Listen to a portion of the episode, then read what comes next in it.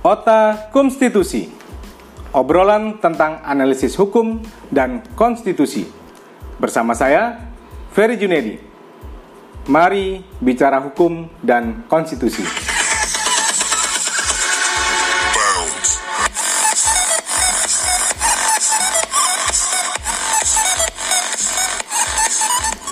Halo semuanya, ketemu lagi dengan saya Ferry Junedi. Kita akan ngobrolin hal yang baru tentunya yang lagi hangat dan ramai belakangan ini. Jadi kita ketemu lagi di Otak Konstitusi, kita akan bicara soal bagaimana perkembangan hukum dan ketatanegaraan. Uh, dalam forum ini kita akan diskusikan beberapa, uh, ada satu isu sih yang kemudian menarik. Kayaknya sejak dua minggu yang lalu di beberapa media sudah sangat uh, aktif memberitakan tentang persoalan-persoalan yang muncul terkait dengan isu ini. Ayo coba tebak apa masalah yang dalam dua minggu belakangan sering dibicarakan baik di media, media sosial, dan mungkin di grup-grup yang teman-teman uh, sudah baca ada usulan pemerintah terkait dengan sebuah rancangan undang-undang. Coba tebak, apa itu? Ini ada tiga narasumber lagi lagi pada kebingungan mereka. Jadi kita akan bicara soal uh, omnibus law uh, eh, RUU Cipta Lapangan Kerja. Ada tiga teman-teman kita yang akan bergabung di obrolan kita hari ini. Ada yang paling grogi ini, ada Rahma Mutiara. Tepuk tangan dong. Ayo kenalan, kenalan dulu, kenalan dulu, kenalan dulu biar gak grogi. Ayo kenalan. Halo semuanya. Halo semua siapa? Kamu oh, iya. lah harus semuanya aja. Iya, nama saya Rahma Mutiara, peneliti kode inisiatif. Ya. Oke. Okay. Selamat datang Rama di channel Otak Konstitusi. Uh, Rahma ini uh, peneliti konstitusi dan uh, ekonomi. Uh, yang kedua ada Viola. Vio, kasih salam untuk teman-teman semuanya. Enggak ditepuk tanganin. Oh iya. Mana narsis nih, minta ditepuk Halo, teman-teman saya Vio peneliti temennya Mbak Rahma. Vio ini concern pada isu konstitusi dan isu ketatanegaraan. Dan yang terakhir ada Iksan Maulana. Iksan? Tepuk tangannya juga dong. Oh iya. Oh, iya, iya. iya mas. Apa nih? Gitu doang. Iksan iya. udah, udah dua kali ya San ya? Kemarin iya. kita ngobrolin soal apa San? Soal Pilkada, Pilkada 2020. Ya? ya, kemarin udah ngobrol dengan Iksan Pilkada 2020 jadi teman-teman pasti tidak asing dengan uh, Ihsan. Dan tentunya ini ada tiga orang yang kemarin sama Ihsan disebut-sebut nih. Kita kolektif kolegial ya mas. Nah, jadi mereka ini adalah tiga orang yang memang sekarang menjadi uh, bos-bos di kode inisiatif. Saya mah yang bantuin doang. Oke teman-teman, uh, kita akan ngobrolin soal uh, omnibus law ya. Jadi uh, kita ngobrol santai saja. Paling tidak kita akan memberikan uh, informasi bagaimana uh, eh, RUU Cipta Lapangan Kerja ini. Uh, awalnya memang teman-teman RUU ini uh, disebut dengan RUU Cipta Lapangan Kerja. Uh, iseng-iseng banyak yang kemudian uh, apa membuat singkatan jadi RUU Cilaka. Mungkin karena jadi RUU Cilaka, jadi uh, pemerintah belakangan kemudian merubah uh, uh, judul uh, rancangan undang-undang ya. Jadi RUU Cika Cipta Kerja. Jadi nggak ada uh, lapangannya. Jadi RUU Cika. Nah ini yang uh, dalam uh, dua minggu belakangan memang jadi sorotan betul terkait dengan rancangan undang-undang ini. Sebenarnya apa sih uh, tujuan dari pembuatan RUU ini sehingga kemudian kenapa sekarang jadi uh, ribut dan uh, cukup ramai uh, terkait dengan pengaturannya? Uh, memang kalau awalnya dulu ya sebelum ada omnibus law ini yang menjadi perhatian Presiden Jokowi itu justru terkait dengan uh, penataan regulasi. Jadi uh, banyak undang-undang kita ini yang tumpang tindih, jadi banyak undang-undang kita ini yang uh, apa obesitas begitu kan. Jadi banyak sekali pengaturan uh, di banyak sektor sehingga cukup membingungkan uh, kalau kemudian uh, kita membaca regulasi-regulasi yang ada. Tapi pada prinsipnya sih presiden waktu itu melihat ini kalau regulasinya jadi banyak begini, kita kan jadi bingung bagaimana kemudian eh, pengaturan-pengaturan yang ada itu justru dianggap tidak cukup efektif terkait dengan uh, apa menarik investasi dan sebagainya, kemudahan berusaha. Nah, itu kan isu-isu yang kemudian memang menjadi concern presiden selama ini. Tapi memang belakangan setelah uh, periode kedua presiden ini justru yang muncul adalah omnibus law. Nah, ini yang kemudian uh, menjadi diskusi apa itu omnibus law dan sebagainya nanti uh, kita tanya sama teman-teman aja ya. Uh, pada prinsipnya kalau dilihat dari pertimbangan uh, rancangan undang-undang ini kan bagus-bagus aja ya, yaitu mewujudkan masyarakat yang adil, sejahtera dan makmur. Ih, bagus kan? Menyerap tenaga kerja dan lain sebagainya. Tapi kenapa kemudian RUU ini kalau dilihat dari tujuannya bagus, tapi justru menimbulkan perdebatan-perdebatan uh, di publik.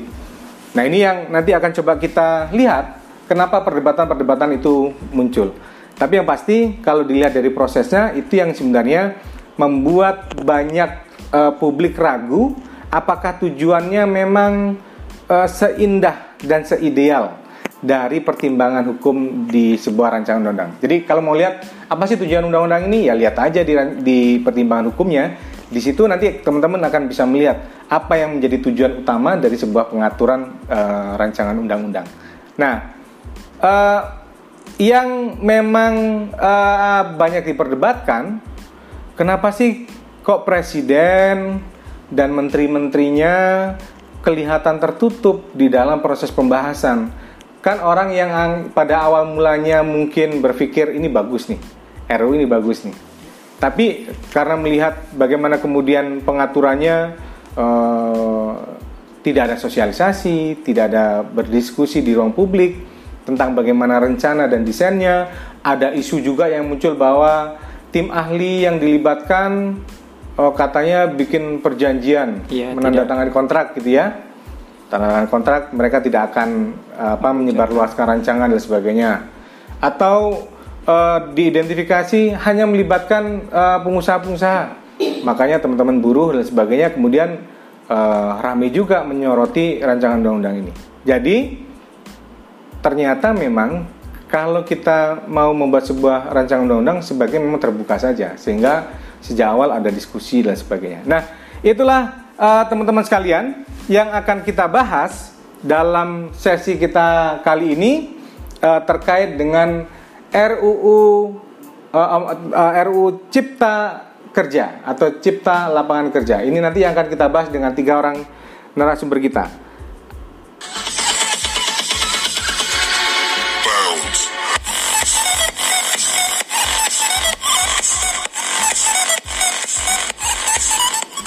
Ya, kita kembali lagi di uh, perbincangan otak konstitusi.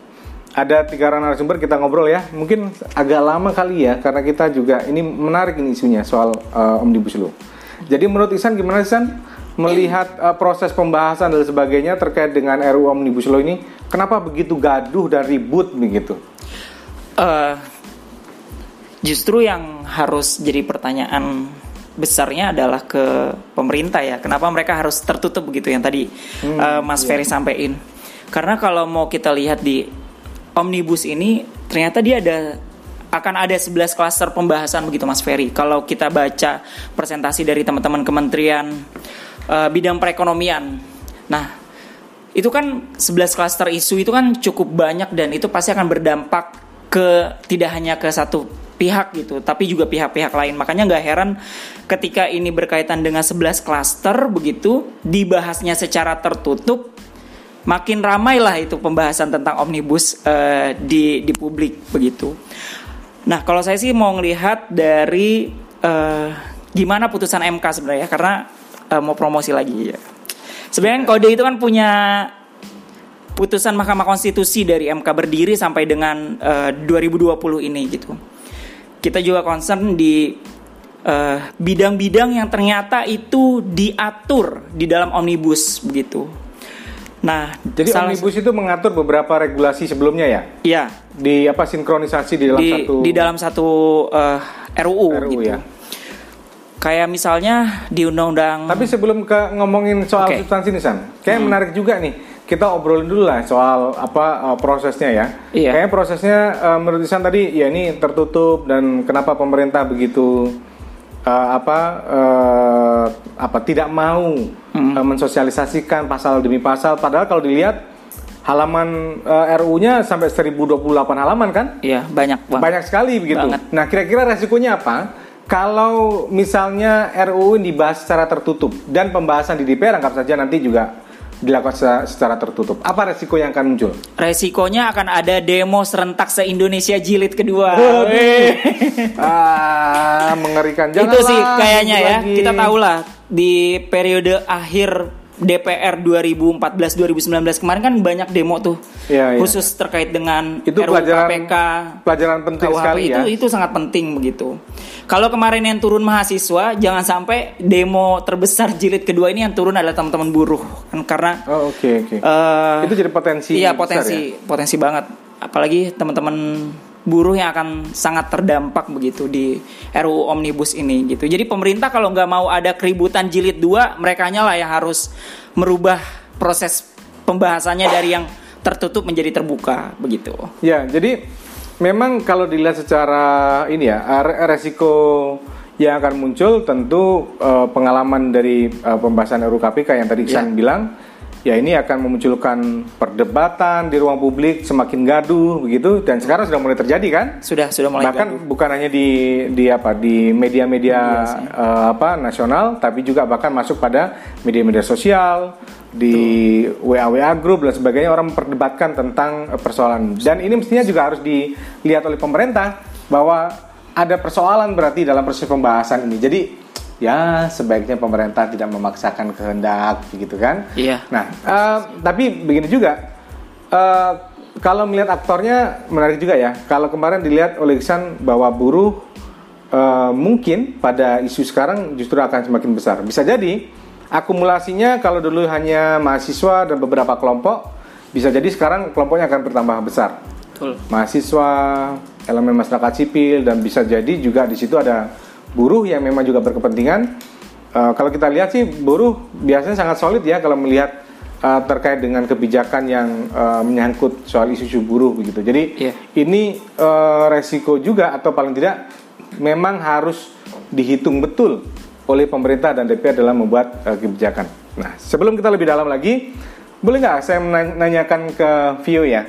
Eh, jadi Iksan udah sebut-sebut nih RUU KPK begitu. Jadi undang-undang KPK itu menurut Iksan tadi dibahasnya dengan apa tertutup, tidak kemudian melibatkan partisipasi yang luas dan sebagainya. Kebetulan kok kebetulan banget ya. Vio ini adalah salah satu eh, tim kuasa hukum. Ya judicial review undang-undang KPK ya, Vio ya. Nah, salah satu yang dipersoalkan adalah soal uji formil. Nah, secara hukum apakah nanti eh, RUU Omnibus Law ini, ya, RUU eh, Cipta Kerja ini potensial juga dia diuji secara formil. Sebelum kita ngomongin materialnya ya tentunya. Oke, kalau misalnya melihat proses yang selama ini berkembang, partisipasi itu kan sebetulnya dibatasi ya, Mas. Eh, khususnya partisipasi terhadap eh, pihak-pihak yang terdampak terhadap undang-undang omnibus law ini, misalnya teman-teman buruh, bahkan sebetulnya eh, pegiat-pegiat eh, konstitusi, pegiat-pegiat anti korupsi, pegiat-pegiat lingkungan juga sebetulnya harus di, eh, di, di dilibatkan gitu da- di dalam pembahasan undang-undang ini. Memang itu potensial sekali untuk dijadikan bahan judicial review khususnya eh, judicial review pengujian formil karena ada satu hal esensial yang dilanggar dari situ bukan cuma melibatkan masyarakat atau pihak terkait aja tapi ada suara-suara dan aspirasi yang dihilangkan dalam pembahasan ini. Berarti itu jelas-jelas melanggar pasal 1 ayat 3 so, sorry pasal 1 ayat 2 Undang-Undang Dasar soal kedaulatan rakyat. Karena eh, pada pokoknya pembahasan undang-undang itu kenapa harus melibatkan rakyat? Karena secara tidak langsung maupun langsung kita akan terdampak langsung dengan undang-undang itu. Bukan hanya teman-teman buruh aja. Segala aspek yang diatur di dalam Omnibus Law ini pasti akan uh, kena ke kita juga gitu loh misalnya soal-soal lingkungan hidup soal-soal sumber daya alam soal-soal uh, izin pendirian bangunan dan sebagainya itu adalah hal-hal yang mungkin jauh dari kita tapi uh, bisa kita lihat ke depan itu akan berpotensi untuk uh, berkenaan sama kepentingan-kepentingan kita seperti itu. Jadi dampaknya ini bisa sangat luas karena dia akan mengaturnya yang diatur kan dalam sebuah undang-undang ya. Undang-undang itu berlaku bagi seluruh pihak. Nah, mungkin nggak uh, eh, RUU ini nantinya akan uh, secara formil ya tentunya kalau karena kita bicara soal proses. Apakah secara formil ini uh, potensial untuk kemudian di uh, judicial review di Mahkamah Konstitusi? Nah, kalau misalnya proses pembahasannya terus-terusan seperti ini, terus-terusan kebut-kebutan, terus-terusan tidak me melibatkan masyarakat di dalamnya, maka itu akan potensial untuk menjadi materi pengujian di Mahkamah Konstitusi nantinya. Harapannya seperti ini, meskipun kita sudah uh, bicarakan jauh soal judicial review dan segala macam, kita uh, yang ada di luar pemerintahan ini terus-terusan mendorong supaya pemerintah bisa melibatkan dan juga mendengarkan apa sih yang menjadi aspirasi terbesar masyarakat itu. Apakah uh, semuanya itu ingin ease of doing business saja gitu loh. Ataukah ada hal-hal yang sifatnya konstitusional dan sifatnya sangat fundamental yang dilanggar di dalam undang-undang itu? Gitu ya sih, prinsipnya sih uh, bahwa pemerintah Pak Presiden dipilih dan juga uh, eh, DPR dipilih, mereka uh, diminta untuk bekerja uh, terhadap kepentingan publik. Kan prinsipnya iya, begitu ya. Uh, karena kan uh, prinsipnya adalah kedaulatan adalah di tangan rakyat. Dan iya. beliau-beliau yang kemudian terpilih, ada presiden, ada DPR, mereka-mereka yang memang harusnya berpikirnya bukan hanya soal kepentingan uh, sendiri atau kepentingan kelompok sendiri, tapi juga harus melihat bagaimana aspirasi publik lebih luas itu juga menjadi perhitungan bagi uh, pembuatan sebuah kebijakan. Kan kebijakannya bukan hanya soal, soal kepentingan pemerintah saja kan, bukan hanya soal kepentingan DPR, tapi kepentingan kita semua yang tadi Vio sebut bahwa ini bukan hanya berdampak terhadap buruh, bukan hanya berdampak terhadap mahasiswa, bukan hanya berdampak pada teman-teman di atau masyarakat di apa yang bergerak di isu lingkungan tapi berdampak terhadap seluruh rakyat Indonesia. Nah, kalau kita melihat um, jumlah uh, rancangan undang-undangnya, eh, kira-kira teman-teman sudah pernah baca belum pendengar uh, otakum konstitusi? Itu informasi aja itu ada 1028 halaman. 1028 halaman rancangan undang-undang dari mulai awal sampai penjelasan, batang tubuh sampai penjelasan. Nah, kita juga pernah mendengar bahwa ini undang-undang akan dibahas atau diselesaikan berlaku secara efektif 100 hari. 100 hari berarti sekitar berapa sih? Eh, tiga bulan. Tiga bulan lebih ya. Nah, menurut Rahmah nih, ya kan? Kira-kira dengan banyaknya pasal-pasal itu, kita juga bingung ya berapa jumlah pasalnya ya. Iya. Uh, kira-kira dengan banyaknya pasal-pasal itu, halamannya juga banyak begitu. Kira-kira satu seratus hari bakal selesai nggak sih dalam proses pembuatan sebuah undang-undang? Uh, memang sebetulnya kalau misalnya me, pertanyaannya selesai atau tidak selesai bisa saja selesai. Tapi kalau misalnya kita membahas secara substansinya tadi bahkan undang-undang contohnya uh, eh, RKUHP yang sampai sekarang pun masih belum selesai. Itu pun uh, secara substansi belum selesai. Apalagi ini undang-undang yang uh, mencabut beberapa pasal. Tadi Masan bilang ada 11 sektoral yang akan uh, diatur dalam rancangan undang-undang ini. Secara substansi itu uh, menurut saya kurang nantinya kurang dalam dan kurang uh, menyeluruh gitu Pak. Artinya kalau misalnya pembahasan dilakukan secara benar nggak mungkin 100 hari akan iya, selesai ya. Tidak mungkin 100 hari akan secara benar dan secara menyeluruh dari sebelah sektoral itu. Kecuali kalau misalnya pemerintah dan DPR memaksakan model undang KPK ya, iya. dipaksa pokoknya gimana pun caranya iya, betul. draft yang sudah ada akan disahkan begitu ya. Ya, kecuali ya itu tadi uh, eh, RUU KPK saja waktu pembahasannya sudah menimbulkan uh, demo dari mahasiswa dan berbagai pihak apalagi ini dari sebelah sektoral tadi itu kalau secara substansi memang tidak akan terkejar Pak 100 hari terlalu cepat menurut saya. Iya, oke. Eh, teman-teman sekalian yang mendengarkan eh, otak konstitusi itu eh, bahasan baru soal formalitas eh, pembahasan ya. Jadi catatannya memang kalau kita belum membedah loh soal bagaimana substansi yang beredar di ruang-ruang publik yang juga dinilai wow ajaib-ajaib semua kan begitu. Nah, belum kita bicara soal itu. Kita baru bicara soal bagaimana secara formil undang-undang ini akan dibuat. Nah, tadi ada catatan teman-teman, mestinya dalam pembahasan sebuah rancangan undang-undang itu dia harus dilakukan secara terbuka, partisipatif. Apa sih pentingnya terbuka dan partisipatif? Karena memang eh, undang-undang itu kan bukan hanya soal kepentingan pemerintah dan DPR saja tapi ini merupakan kepentingan publik. Jadi DPR, presiden dipilih oleh rakyat. Itu e, merupakan bentuk uh, pengejawantahan kedaulatan berada di tangan rakyat. Yang tadi uh, Vio sampaikan. Oleh karena itu, mestinya di dalam pembahasan sebuah uh, undang-undang harus dilakukan secara terbuka. Harus dilakukan uh, dengan melibatkan uh, publik secara luas. Jadi ada kepentingan-kepentingan publik yang juga terakomodir di sana. Siapa publik di dalam situ? Ya publiknya tentu akan sangat luas. Ada ya mungkin pengusaha, mungkin teman-teman buruh, mungkin juga uh, publik uh, masyarakat secara luas. Oleh karena itu memang uh, mestinya tidak dibatasi keterlibatan uh, dalam proses pembahasan.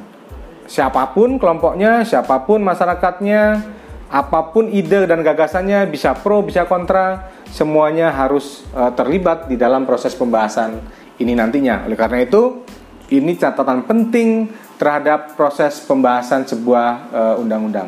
Jadi begitu ya, uh, teman-teman sekalian, itu baru bahasan kita tentang bagaimana formal formilnya pembahasan sebuah undang-undang khususnya undang-undang omnibus law. Sebentar lagi kita akan bahas lebih lanjut, um, bedah lebih lanjut RUU ini, bagaimana kemudian substansi-substansinya uh, yang kemudian beredar kok kelihatannya ajaib-ajaib sih? Nah, kita lihat lebih lanjut pembahasannya uh, setelah ini.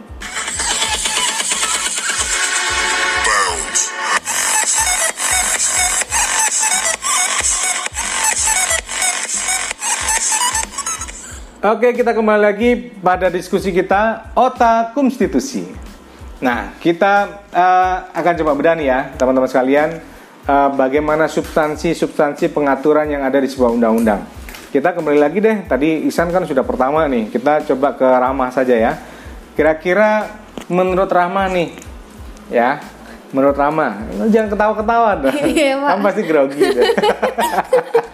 santai aja. Memang hukum itu harus dibicarakan dengan santai, yang gembira sambil ketawa-ketawa, okay, supaya substansinya juga menggembirakan. Iya. Begitu kan? Jadi kalau misalnya kita bicarakan hukum dengan sangat serius, terus kemudian dengan um, muka berkerut nah hasilnya bisa seperti ini. Undang-undang yang kemudian tidak menyenangkan bagi kepentingan publik. Oleh karena itu kita bicara dengan ketawa-ketawa saja ya. Uh, Rahma iya. menurutmu nih dari 1028 nih uh, halaman uh, rancangan undang-undang soal cipta kerja iya pak. ini kira-kira akan menjadi RU cipta kerja atau RU cilaka nih kira-kira? Dilihat dari substansinya oke okay kalau misalnya berbicara tentang uh, omnibus law dalam hal ini RUU Cipta Kerja, sebenarnya balik lagi pada tujuan apa apa itu dibentuknya uh, omnibus law itu sendiri. Melihat dari uh, presentasinya uh, Kementerian Bidang Perekonomian ini ada tiga yang Menko akan perekonomian ya, ya? Menko hmm. perekonomian ini ada tiga yang memang uh, menjadi tujuan omnibus law. Yang pertama menghindarkan tumpang tindih antar uh, peraturan perundang-undangan. Uh, yang kedua efisiensi proses perubahan atau pencabutan uh, perundang perundang-undangan itu sendiri.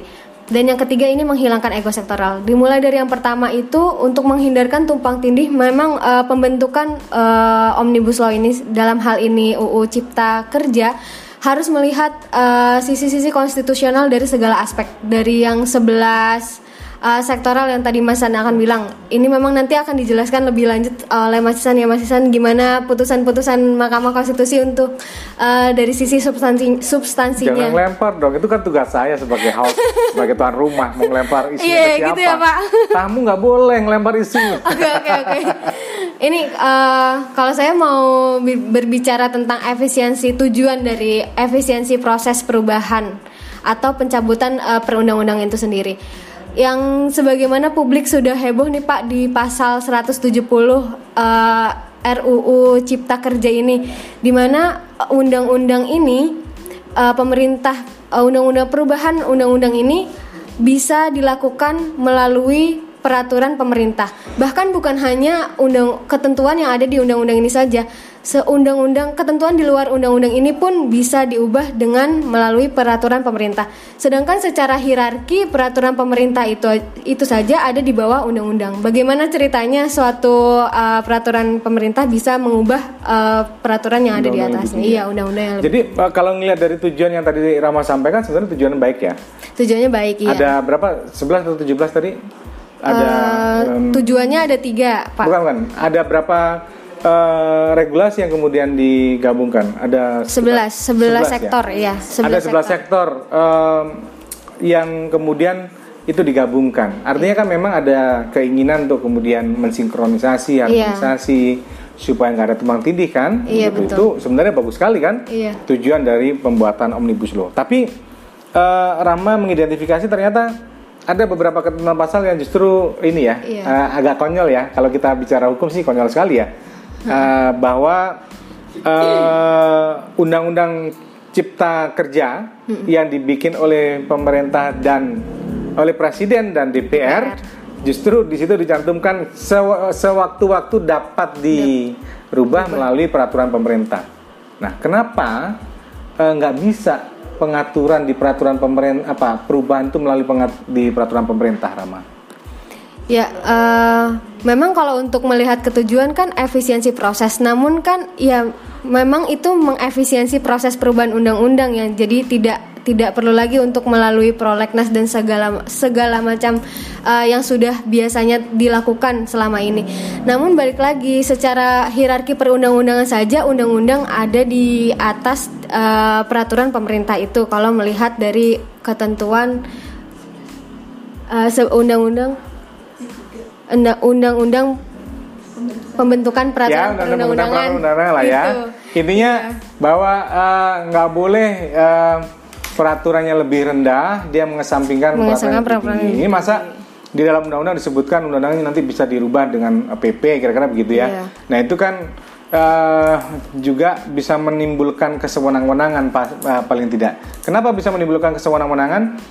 Karena eh, undang-undang itu kan memang dibentuk oleh dua pihak, ada presiden dan ada DPR, supaya ada proses istilahnya ada check and balance, ada kontrol antara eh, presiden dan juga DPR.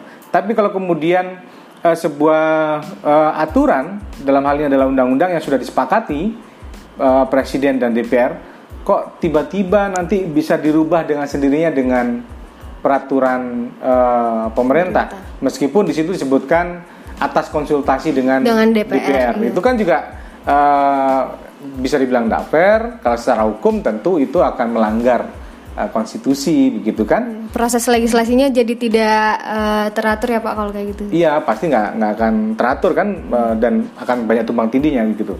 Eh, ini kan kayaknya juga sama ya. Selain yang ribut soal eh, PP bisa ngerubah undang-undang ini juga ada ketentuan terkait ini ya review terkait perda ya. Oh ya, ini juga ada di pasal 166 eh, UU Cipta Kerja di mana eh, disebutkan bahwa perda yang tidak sesuai dengan peraturan di atasnya dapat dibatalkan, dicabut dan dinyatakan tidak berlaku kembali oleh peraturan pemerintah. Kok detail banget bacanya? Itu baca atau eh, hafal sih? Ternyata baca ada nih. Ah, kirain hafal betul. Ya itu. Enggak enggak. Saya baca di nih, eh, ini eh, informasi saja ya. Jadi eh, ternyata Rahma, Iksan sama Vio ternyata dia bukan bukan menghafal, tapi mereka baca di depannya ada laptop nih, laptop bertiga-tiga mereka buka semuanya. Pantesan kelihatan kok hafal betul mereka bertiga ya.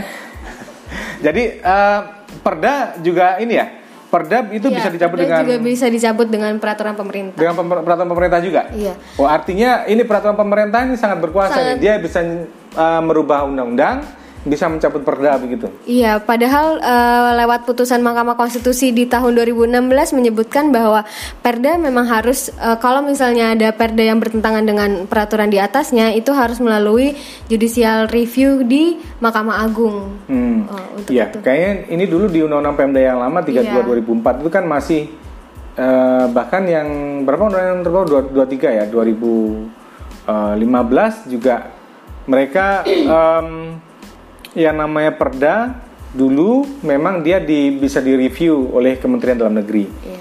Tapi ada putusan Mahkamah Konstitusi yang kemudian menyebutkan bahwa perda itu eh, kalau mau direview bukan reviewnya ke pemerintah, tapi reviewnya melalui eh, Mahkamah, Mahkamah Agung. Agung. Eh, tapi ini ini direview atau dicabut ya? Kalau di ketentuannya itu? Kalau di ketentuan ini dapat dibatalkan di ayat 1, di ayat 2 disebutkan kalau ayat 1 tadi dapat di- eh, dicabut dan dinyatakan tidak berlaku. Oh, dengan peraturan pemerintah. Oh, dengan peraturan presiden, Pak. Peraturan presiden ya. Padahal kan Peraturan proses presiden, pembahasan peraturan daerah ini kan dia dilakukan antara pemerintah daerah dan DPRD kan Iya. dalam konteks uh, otonomi daerah. Mestinya kan daerah punya uh, keleluasan dalam membuat sebuah uh, regulasi. Dan secara konsep sebenarnya uh, teman-teman pendengar, secara konsep kan mestinya kalau ada perda yang bertentangan dengan peraturan perundang-undangan yang lebih tinggi, itu kan mestinya ada mekanisme review bahwa reviewnya ada di Mahkamah Agung dan harusnya tidak bisa sembarang cabut dengan peraturan begitu saja kan? Iya, Pak. Hmm, Itu itu teman-teman uh, dua isu yang tadi diidentifikasi oleh Rama, tapi sepertinya masih ada beberapa isu yang lain yang mesti kita coba uh, diskusikan uh, kembali. Jadi tadi em, catatannya ini ya, informasi saja ya catatannya tadi ada di pasal 170 dan 166 tapi persisnya nanti coba cek lagi deh pasalnya pada prinsipnya sih undang-undang eh, cipta lapangan kerja ini memberikan kewenangan kekuasaan yang besar kepada pemerintah untuk kemudian mereview eh, peraturan daerah. Juga memberikan kekuasaan yang sangat besar bahkan eh, membatalkan bukan membatalkan ya merubah eh, substansi di dalam sebuah undang-undang. Yang mestinya substansi itu ya nggak boleh dong peraturan lebih rendah dia kemudian em, merubah eh, peraturan lebih tinggi. Nah ini sebenarnya menjadi pekerjaan rumah kita juga untuk kemudian sama-sama kita ingatkan pemerintah dan DPR supaya membuat sebuah kebijakan yang konstitusional. Kita lanjutkan setelah ini ada Vio yang nanti akan eh, memberikan catatan apalagi lagi sih Vio selain dua hal itu sebelum itu kita break sebentar ya.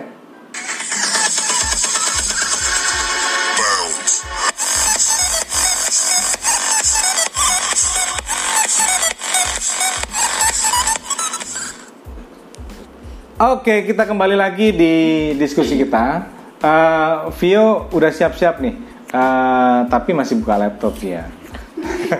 Ini nyari lirik lagu mas. Oh, nyari- Kan saya mau nyanyi habis Oh ini. iya, habis ini Vio mau nyanyi dia. Jadi eh, kita diskusikan sambil nyanyi-nyanyi lah. Aku juga baru tahu kalau ternyata Vio juga bisa ini ya main gitar ya. Dau.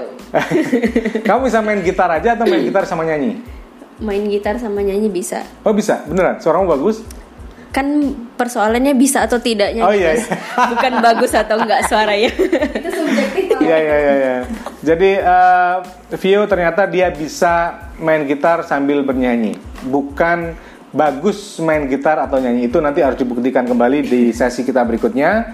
Nanti di otak konstitusi yang lain ya, kamu nanti sambil nyanyi sambil kita berdiskusi tentang isu-isu eh, hukum kekinian. Mantap. Nah, Vio, selain dua hal tadi yang disampaikan oleh Rama, eh, kira-kira eh, apalagi sih persoalan yang eh, Vio identifikasi dalam eh, RUU Cipta Kerja ini?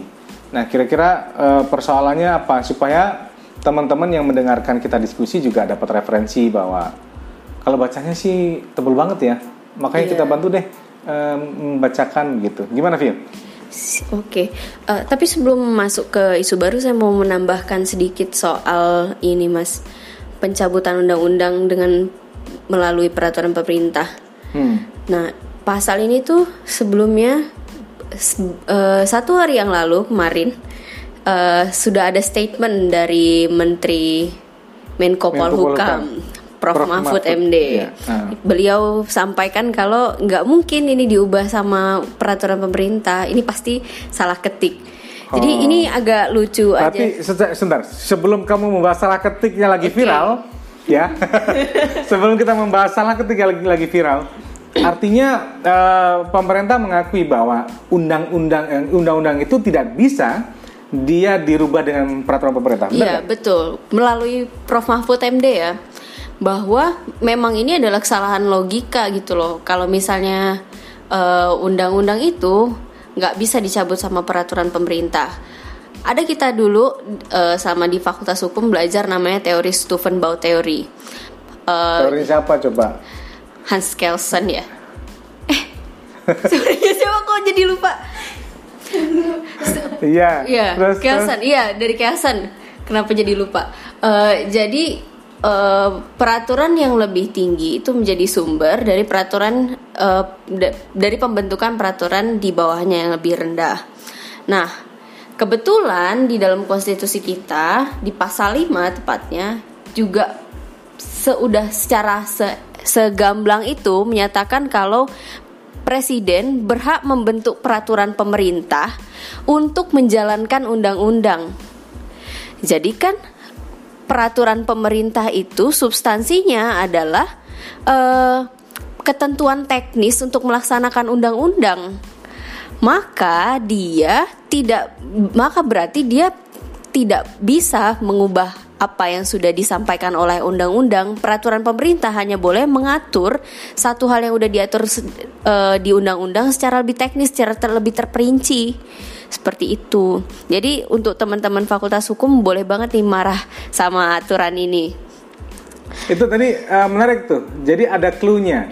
Jadi kalau nanti misalnya undang-undang ini tetap disahkan juga dan pasal ini tetap diberlakukan, Vio sudah ngasih clue. Pasal berapa Vio? Pasal 5 ayat 2. Nah, pasal 5 ayat 2 bahwa itu bisa menjadi batu uji untuk kemudian menguji ketentuan ini. Jadi Betul. itu clue pertama dari em, constitutional lawyer kita. Terus gimana? iya. Nah, tapi lawyer. tapi harapannya seperti ini sih Mas undang-undang ini nggak diujikan karena ada seribu halaman jadi nanti lawyernya bingung mau fotokopi alat bukti gimana. Oh iya ya. Jadi kalau oh, ini kabar gembira juga untuk pemerintah. Jadi kalau nanti ada judicial review, paling tidak eh, ini bisa menghambat eh, proses pengujian di Mahkamah Konstitusi. Karena ada 1028 halaman eh, undang-undang ya. Iya. Artinya nanti itu yang akan di copy jadi empat rangkap. iya. Wow, Eh, 4, bukan. 11, 12 Mas. Menjadi 12 rangkap. 12 rangkap. Eh, satu asli, 11 eh, kopian. Iya. Berarti akan fotokopi sekitar ini kali 11 berapa sih? 11 ribu. Ya hampir 12 ribu eh, halaman. Satu eh fotokopi fotokopi berapaan sih satu halaman? 500 500. 500 kalau 12 ribu jadi berapa? Buka dong kalkulatornya. Wow. Waduh kalau mau judicial review kayaknya Judicial mahal juga review ya. mahal sekali. ah itu kabar gembira buat pemerintah. Jadi kalau judicial review kayaknya butuh biaya yang besar. Ya mungkin tapi ya nanti patungan aja deh kalau mau judicial review fotokopinya. Lah, lanjut lanjut Vio gimana? Oke, lanjut. Tadi kan ud- udah soal peraturan pemerintah. Sebetulnya satu hal esensial kenapa eh, u- ketentuan di dalam undang-undang itu nggak boleh diubah melalui peraturan pemerintah karena ada ikatan atau mandat dari rakyat loh di dalam pembentukan undang-undang itu yang kita sampaikan lewat DPR. Jadi mes sebagaimanapun rasa cinta kita kepada DPR, rasa sayang kita kepada DPR, Beneran bagaimana DPR. bagaimanapun juga mereka adalah representasi kita. Mereka eh, yang punya peran untuk melakukan checks and balances terhadap pemerintah, mereka yang jadi jembatan untuk menyampaikan aspirasi. Bilang Artinya sayang tapi produknya kamu judicial review terus itu itu tanda kecintaan. Oh Mas. iya, iya, cinta itu sebenarnya tidak harus buta. Dalam Iya. artian eh, kalau salah didiemin, ya sekali-sekali ditegur juga boleh, Iya. gitu kan? Iya, iya, iya. iya. Belajar deh. Ini quote of the date ya. Iya, ini Terus, juga terus, sama kayak tulus mas, jangan cintai aku apa adanya kalau kata tulus. Nanti kita nyanyi setelah ini. Oke. Eh, Oke. oke. Nah, jadi kalau misalnya eh, peraturan undang-undang itu diubah melalui PP ya sama saja menidi- meniadakan eh, eksistensi dari rakyat itu sendiri at- atau kedaulatan rakyat yang udah kita titipkan di dua lembaga ini seperti itu. Jadi Pak Presiden dan Pak anggota DPR, tolong dengarkan bahwa kedaulatan adalah rakyat. Bapak-bapak ini dipilih untuk memperjuangkan aspirasi rakyat. Rakyatnya siapa? Ya semua kelompok golongan dengar dengarkan apa yang kemudian menjadi aspirasi. Jangan tertutup, tapi bukalah diri.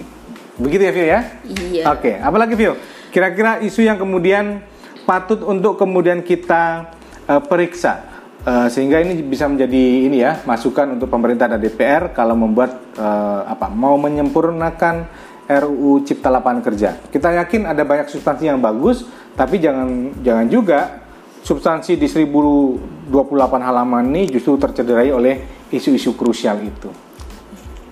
Ada dua lagi eh, hal krusial yang mau saya sampaikan. Yang pertama itu soal eh, ketentuan diskresi dan yang satunya lagi soal eh, pemecatan kepala daerah. Yang pertama soal diskresi ini. Jadi Ini kalau kayaknya baru ya, eh, belum sempat muncul ya di perdebatan ya. iya diskresi belum sempat muncul. Apa itu problemnya dengan diskresi yang diatur dalam eh, RUU Cipta Kerja?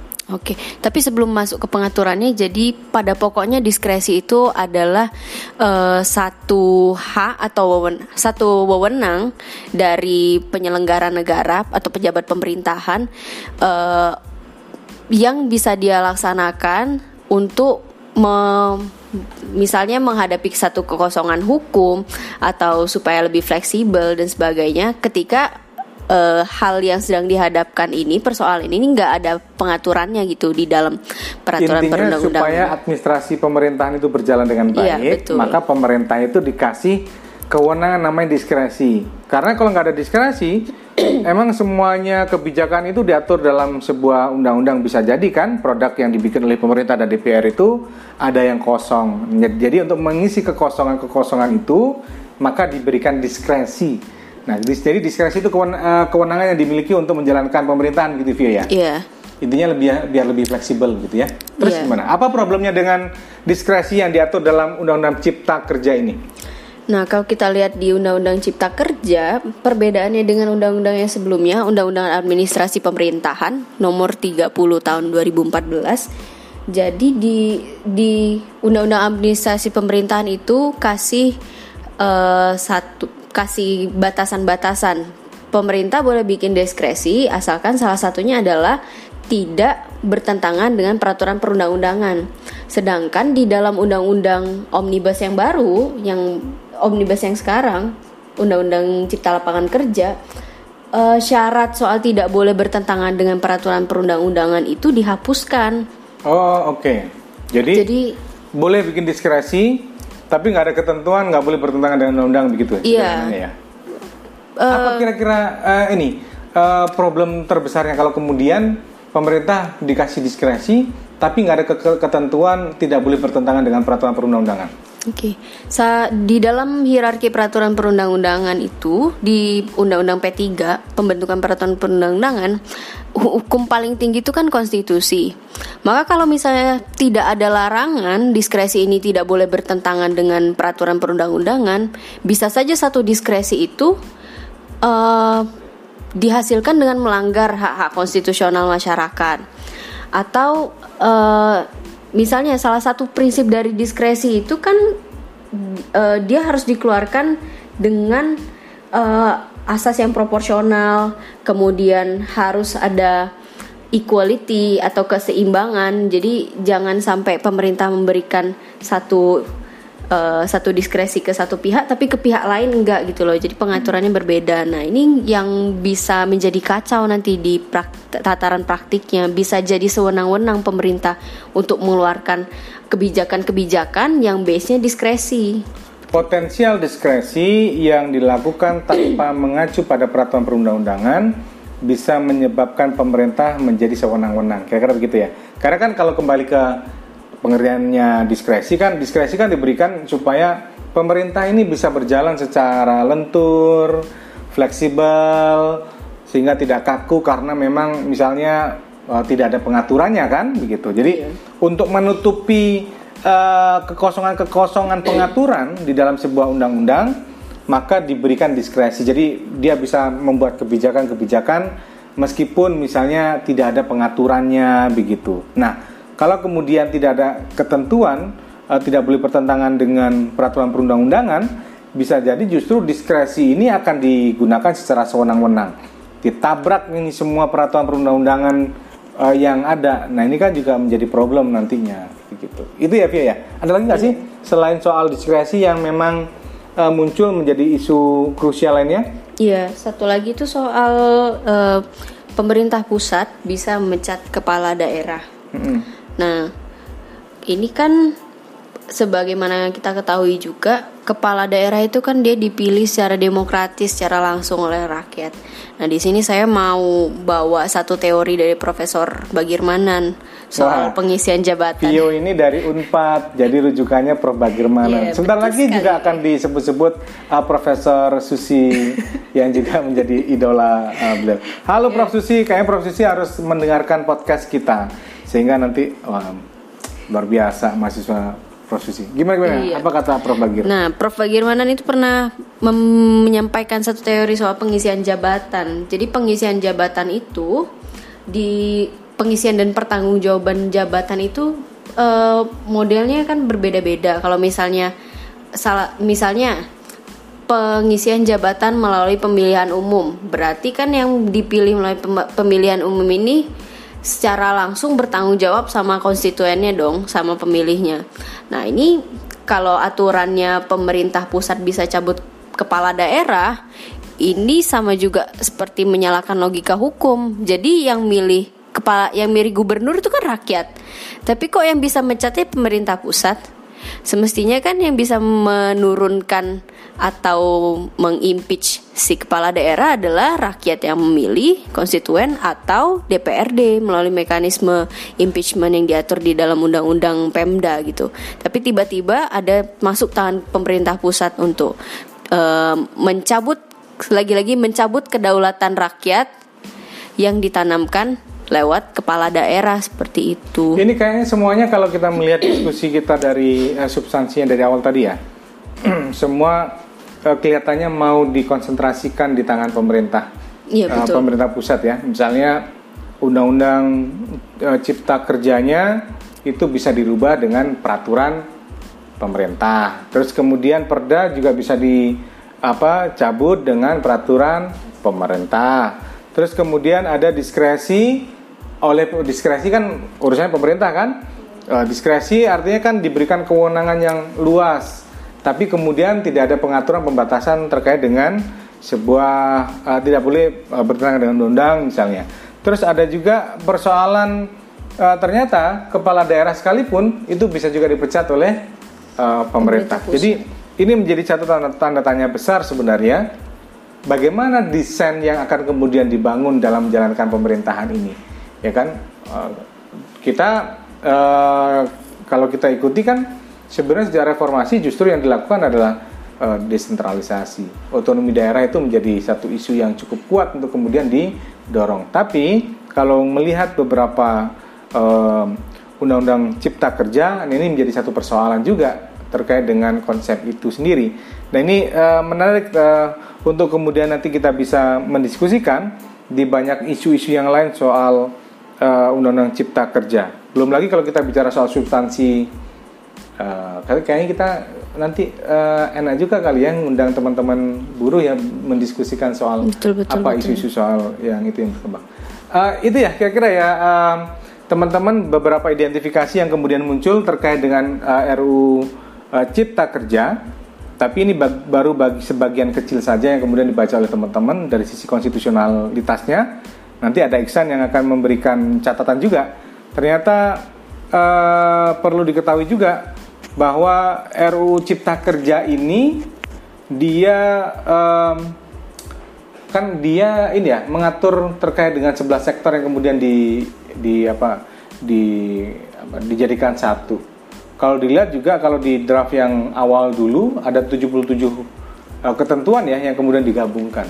Nah, di sini teman-teman kode inisiatif itu kebetulan bukan kebetulan sih memang menyiapkan sejak tahun 2015 em, data tentang putusan Mahkamah Konstitusi. Jadi sejak putusan MK tahun 2003 sampai sekarang teman-teman punya datanya dan eh, sudah diidentifikasi.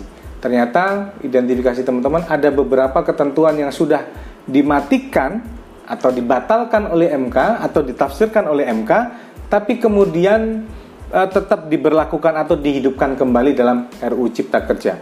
Nah, apa saja itu nanti kita lihat lebih lanjut, kita dengarkan dari Iksan Maulana, tapi sebelum itu kita break sebentar.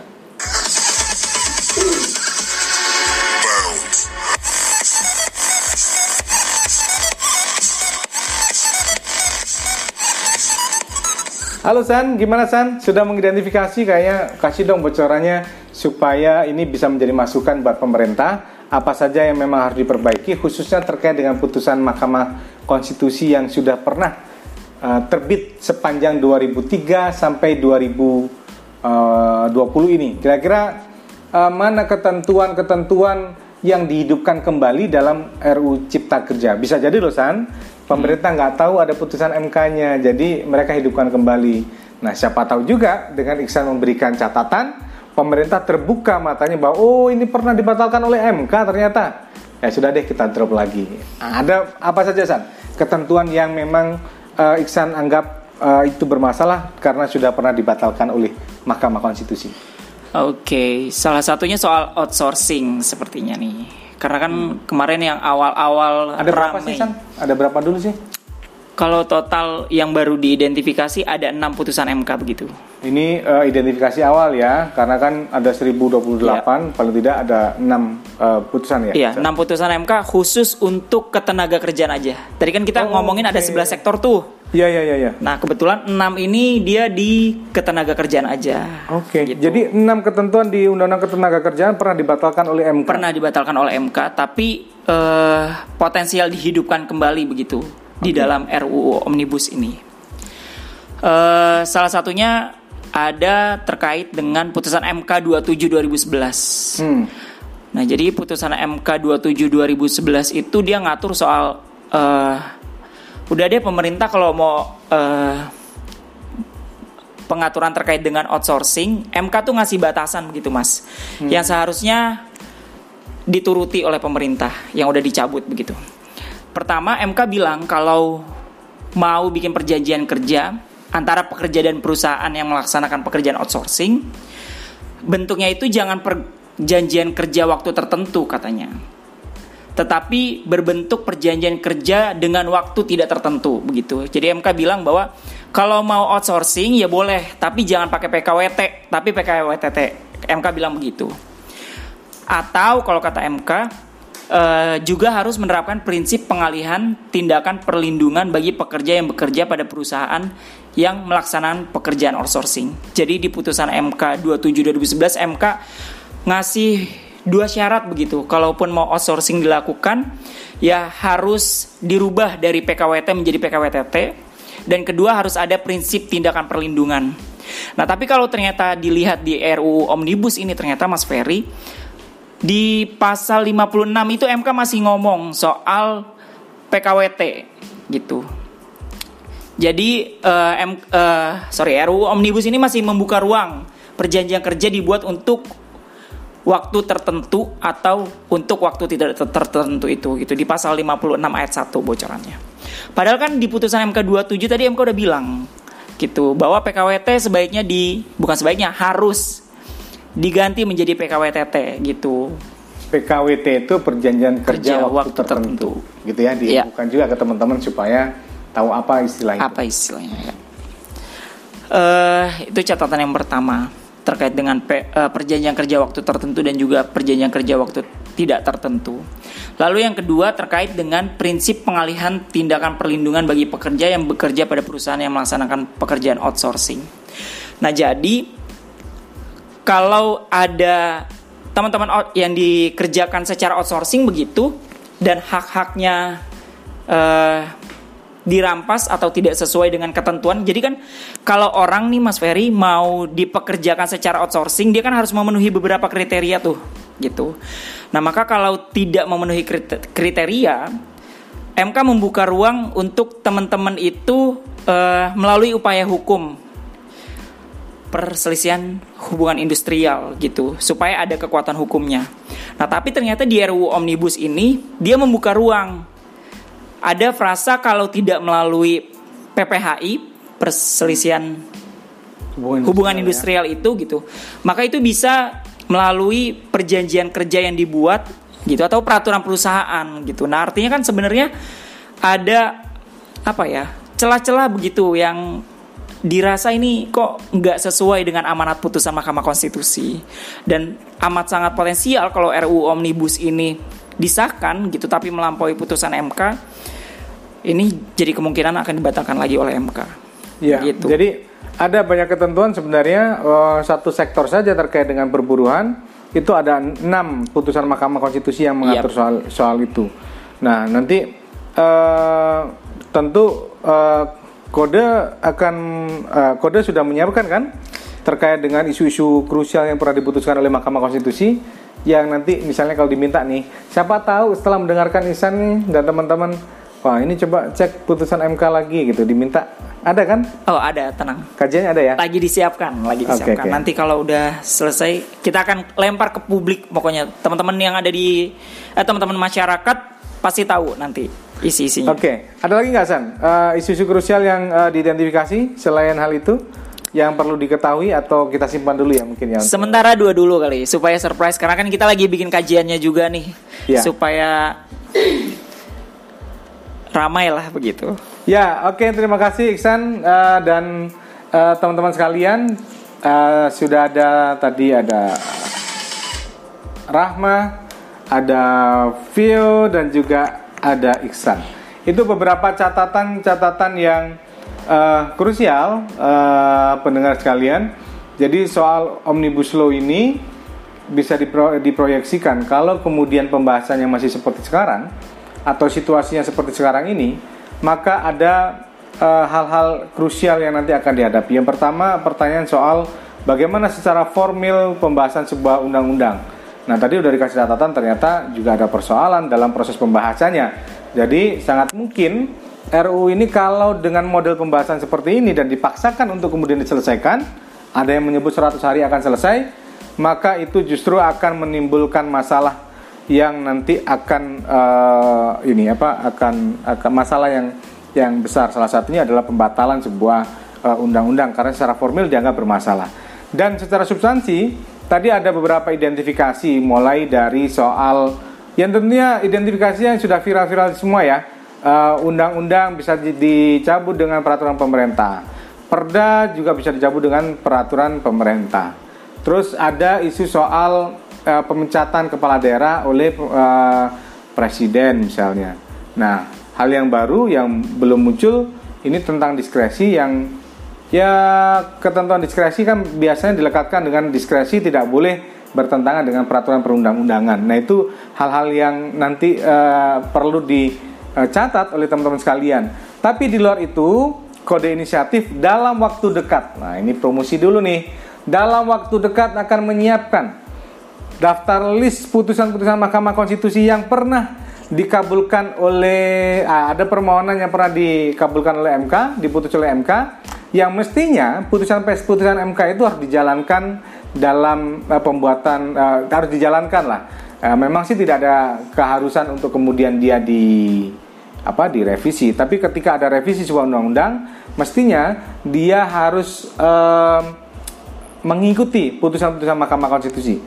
Nah, jadi nggak boleh kemudian em, apa ya pemerintah dan DPR acuh tak acuh terhadap putusan Mahkamah Konstitusi. Ini yang memang menjadi catatan penting dari sebuah regulasi yang akan disusun oleh pemerintah. Kira-kira itu eh, pendengar sekalian beberapa isu krusial eh, terkait dengan RUU Cipta Kerja. Kita berharap bahwa Cipta Kerja itu akan menjadi memang eh, sesuai dengan nama dan tujuannya Uh, bukan kemudian menjadi RU cilaka yang justru akan uh, menyengsarakan atau justru menimbulkan kegaduhan yang lebih besar lagi.